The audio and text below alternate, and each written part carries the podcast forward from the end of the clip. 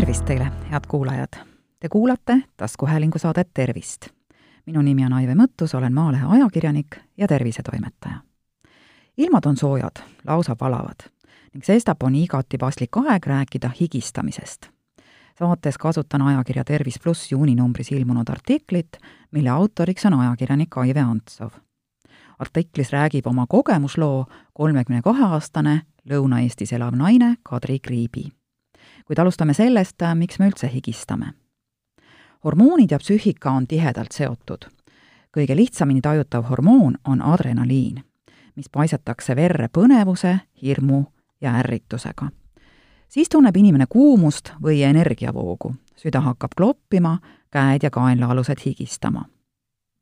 füüsilise pingutuse spordi või hirmu korral kiireneb südametöö ja verevarustus higistamine aitab kehatemperatuuri tasakaalustada. Ühtlasi aitab higistamine väljutada jääkaineid.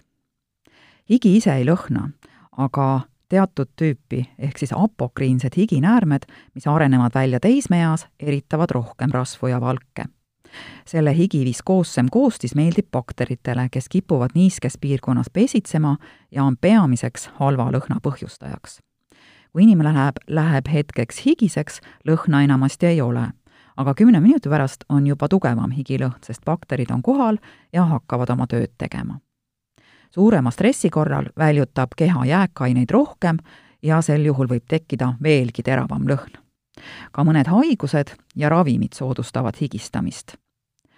rasvarikkad toidud, alkohol, suitsetamine, kohv ja vürtsised toidud suurendavad samuti higistamist. jalgade higilõhna võib soodustada see, et inimene ei kuivata ennast korralikult või kannab pikka aega kinniseid jalanõusid.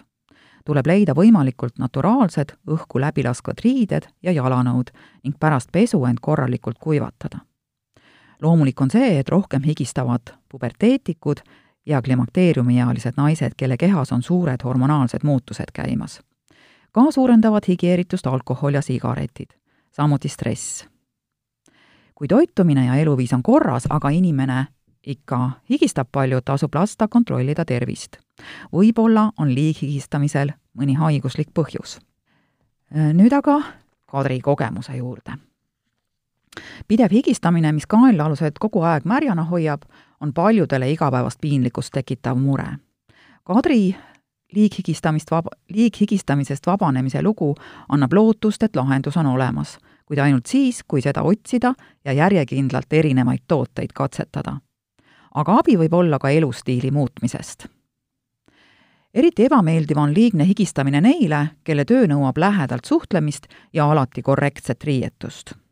Võrus elav Kadri on sõbraliku olemisega noor naine, kes käib neli päeva nädalas Tartus tööl.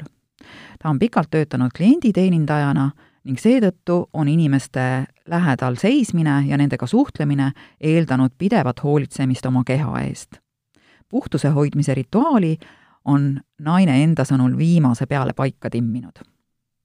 nahale sobilike puhastusvahendite, kvaliteetkreemide, kuid ka hea higipulga leidmisest on saanud talle põnev hobi ning praktilisi teadmisi erinevate toodete kohta on tal tänu katsetamisele kogunenud muljetavaldav hulk sellest ajast peale, kui hakkasin tööl käima ja ringi rassima, on liigne higistamine olnud mulle suur probleem, tunnistab noor naine imetlusväärselt siiralt.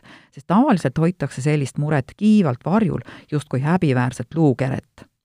kuid seda ei tohiks häbeneda, vaid küsida nõu teadjamatelt ja proovida leida sobivaid tooteid, usub Kadri, kes on ka ise abi saanud just teadmiste vahetamisest teiste sama probleemiga inimestega naine on lugenud artikleid, kuulanud spetsialistide nõuandeid ning uurinud paljude deodorantide ja antiperspirantide koostist.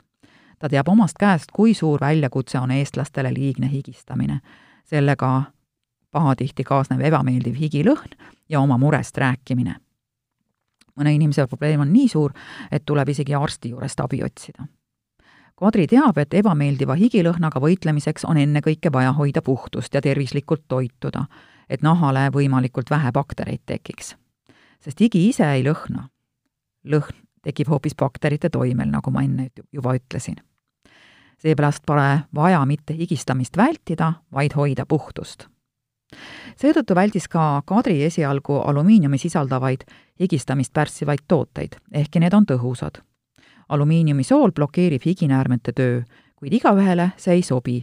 mõni on tundlikuma nahaga ja alumiiniumisoolad võivad tekitada kaenla all ärritust. päris kahekümnendate eluaastate alguses kasutas Kadri tavapoe deodorante.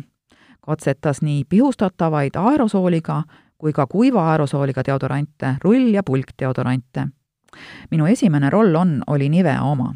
seda kasutasin päris pikalt. seejärel läksin mõneks ajaks pihustatavate aerosoolide peale üle.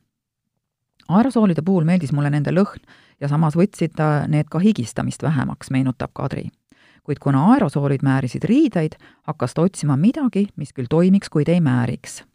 siis avastasin Lady Speedsticki üks oli mul alati kae käekotis ja teine kodus. kui töötad suvel toitlustusasutuses, oled mõnikord täiesti läbimärg ja pead päeva jooksul mitu korda pluusi vahetama ja end värskendama.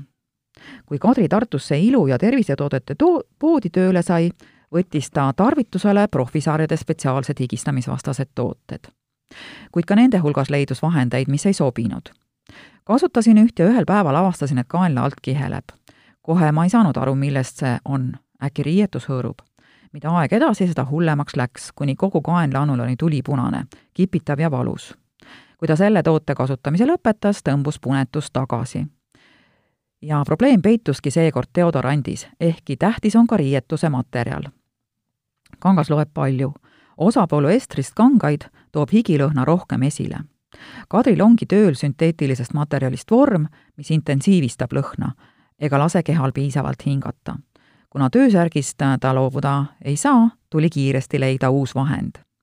töökaaslase soovitusel valis Kadri sarja orgaanik sajaprotsendilise naturaalse ja ökoloogilise mineraalsooladega mäekristallist deodorandi.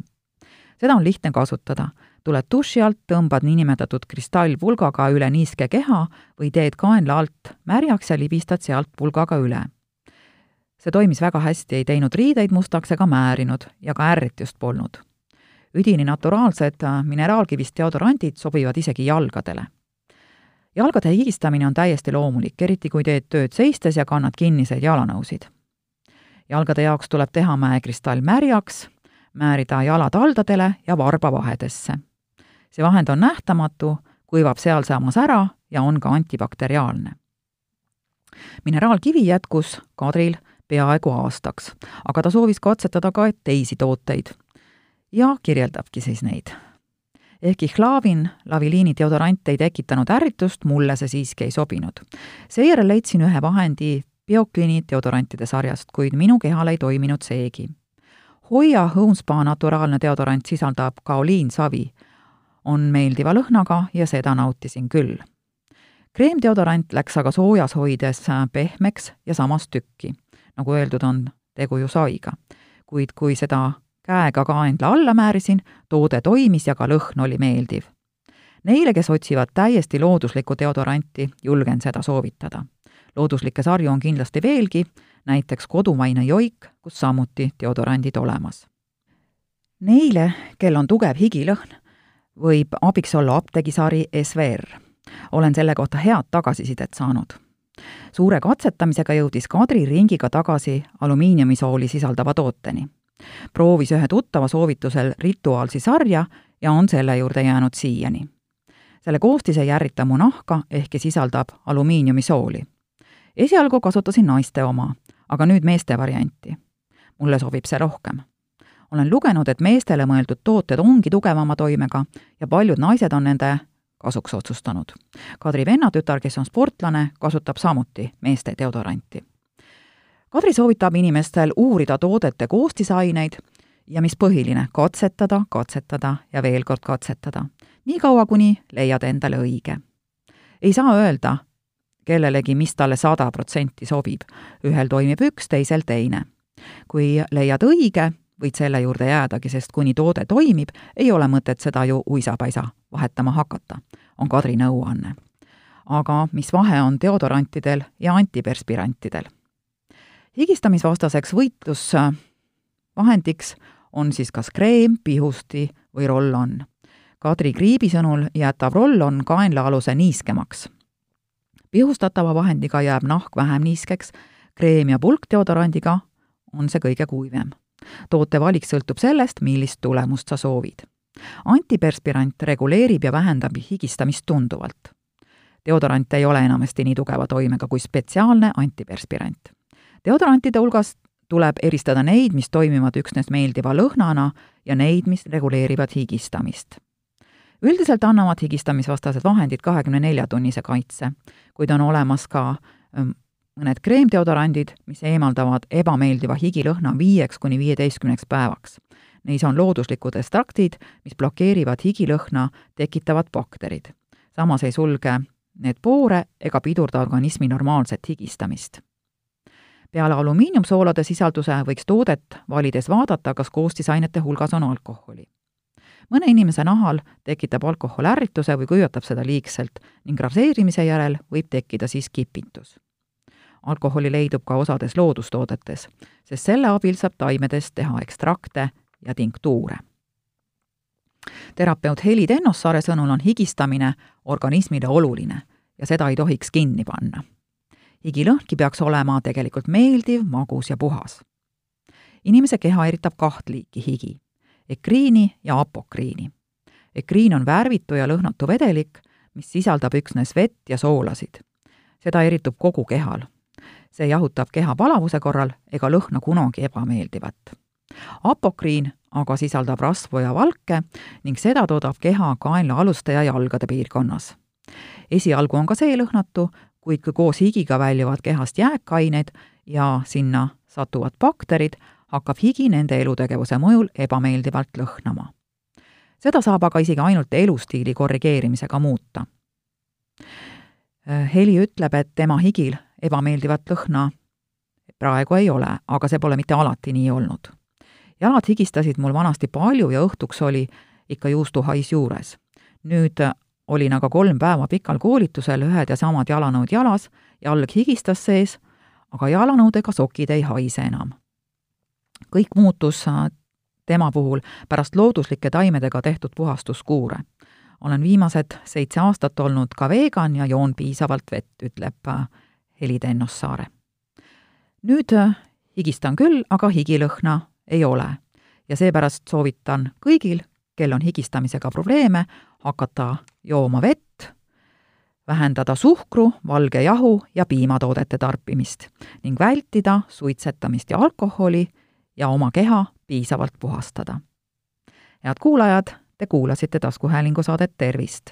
saate leiate Delfi podcastide pesast tasku, nutirakenduste Spotify, Apple Podcasts, SoundCloud ja teised. hakake jälgijaks ja kuulake just teile sobival ajal ettepanekuid teemade kohta, mida saates käsitleda, ootan teilt e-postidel aadressil tervist.maaleht.ee. minu nimi on Aive Mõttus, olen Maalehe ajakirjanik ja tervisetoimetaja. tervist teile!